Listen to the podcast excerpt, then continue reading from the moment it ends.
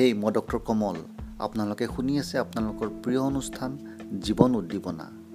আজি অনুষ্ঠানৰ মজিয়াত আপোনালোকৰ মাজলৈ লৈ আহিছোঁ এক অতি গুৰুত্বপূৰ্ণ বিষয়। বিষয়টো হৈছে আলস্যক কিদৰে পৰাভূত কৰিব?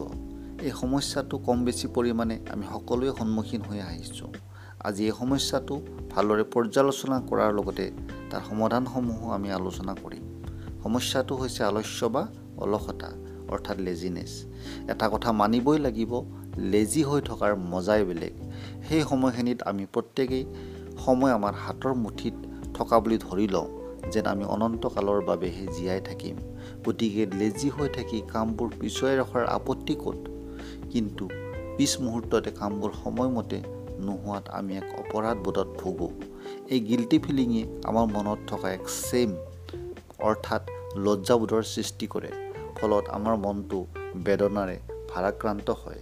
এক অনামী দুখবোধে আমাক খেদি ফুৰিব খোজে।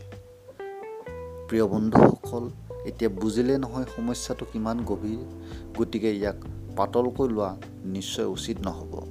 আহকচোন আমি অলপ ভিতৰলৈ সোমাই যাওঁ। যদি আমি দকৈ ভাবি চাওঁ তেতিয়াহ'লে দেখিম যে কামবোৰ পিছুৱাই ৰখাৰ মুখ্য কাৰণ এই অলসতা বা লেজিনেছ নহয়। ইয়াৰ অন্তৰালত অন্য এক গভীৰ কাৰণ লুকাই আছে।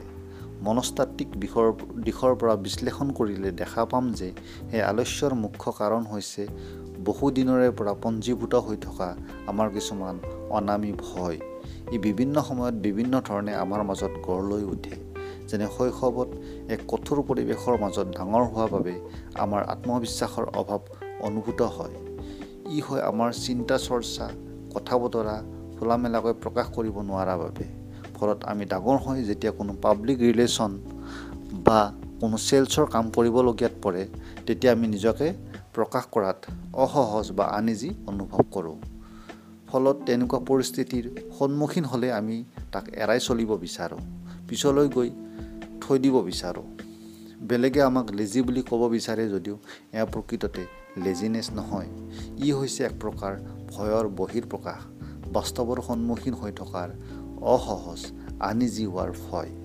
এতিয়া বুজিলে নহয় খুবেই সাধাৰণ যেন লগা সমস্যা এটাৰ ভিতৰত কিমান ডাঙৰ কথা লুকাই আছে।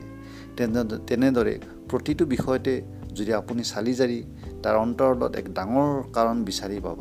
এতিয়া প্ৰশ্ন হ'ল এই ডাঙৰ কাৰণসমূহ আমি কিয় জানিব লাগে বিচাৰিব লাগে?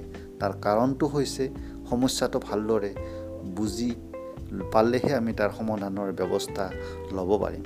গতিকে আমি যেতিয়াই গম পাম যে আমাৰ মানুহৰ মাজত আমাৰ মিলা মিছা কৰিবলৈ বা বস্তু কোনো বিক্ৰী কৰিবলৈ কোনো সমস্যা হোৱা সমস্যাৰ মূল উৎস হৈছে শৈশৱত সৃষ্টি হোৱা এক ভীতিগ্ৰস্ততা এক অসহজ মন। তেতিয়া আমি তাক এক নতুন দৃষ্টিভংগীৰে চাই সমাধানৰ চেষ্টা কৰিব পাৰিম।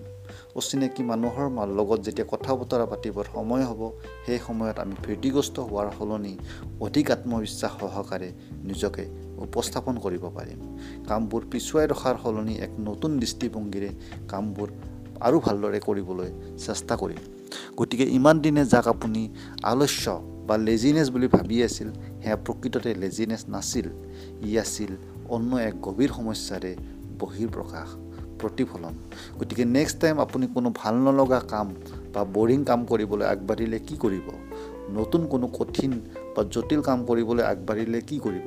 প্ৰথম কথা অকণমান উশাহ নিশাহ দীঘলকৈ লৈ আপুনি বিষয়টোৰ বিষয়ে ভালদৰে বুজিবলৈ চেষ্টা কৰক। আপুনি তাক আপোনাৰ নিজৰ ধৰণে বিশ্লেষণ কৰিবলৈ চেষ্টা কৰক। কামটো নিশ্চয় আপুনি ভবাৰ দৰে বৰিং বা কঠিন নহয়। কামটোৰ প্ৰতি থকা ভয় ভাৱ যেনে ভালদৰে কৰিব নোৱাৰিলে কি হ'ব তাক দূৰ কৰিবলৈ চেষ্টা কৰক। ইয়াক ইংৰাজীত পাৰফেকশ্যনেলিজিম বোলা বোলা হয়। অৰ্থাৎ সম্পূৰ্ণ শুদ্ধ বা ভালদৰে কৰিবলৈ কৰা চেষ্টা। কিন্তু এয়া প্ৰকৃততে সম্ভৱ নহয়। প্ৰতিটো কামৰে কোনো নহয় কোনো খুঁত ওলাবই। সেয়া ডাঙৰ কথা নহয়। কিন্তু কামটো সম্পূৰ্ণ কৰাটোহে ডাঙৰ কথা। কামটো কৰোঁতে উদ্ভৱ হোৱা খুঁতবোৰ পিছত ভালদৰে বিশ্লেষণ কৰি নিৰাময়ৰ ব্যৱস্থা কৰিব পৰা যাব। কিন্তু কামটো সমাপ্ত হোৱাৰ ফলত আমি এক আত্মবিশ্বাসৰ অনুভৱ কৰিম যিটো আত্মবিশ্বাস আমাৰ মাজত গঢ় ল'ব। ফলত আমাৰ মাজত লুকাই থকা ভয়বোৰো কমি আহিব। আমি বিচাৰোঁ আপুনি জীৱনত সৰুবোৰ সকলোবোৰ কামতে সফল হওক। জীৱনটো ভালদৰে উদযাপন কৰক। তাৰ বাবে এনেদৰে সৰু বৰ কথা জানি বুজি নিশ্চয় আপোনালোকৰ বাবে সহায়ক হ'ব। আমি আগলৈকেও আপোনালোকৰ মাজত আপুনি সন্মুখীন হৈ থকা বিভিন্ন সমস্যা আৰু তাৰ সমাধানৰ বিভিন্ন উপায়লৈ আপোনালোকৰ মাজত আহিম। তেন্তে আজি জীৱন উদ্দীপনাৰ এই অনুষ্ঠানৰ পৰা বিদায় মাগিছোঁ। আশা কৰিছোঁ আপোনালোকে এই অনুষ্ঠানটো চাই ভাল পাইছে আৰু আগলৈকেও এনেদৰে আপোনালোকে এই অনুষ্ঠানৰ মাজলৈ আহি থাকক সেইটো আমি আশা কৰিছোঁ। তেতিয়ালৈকে বাই।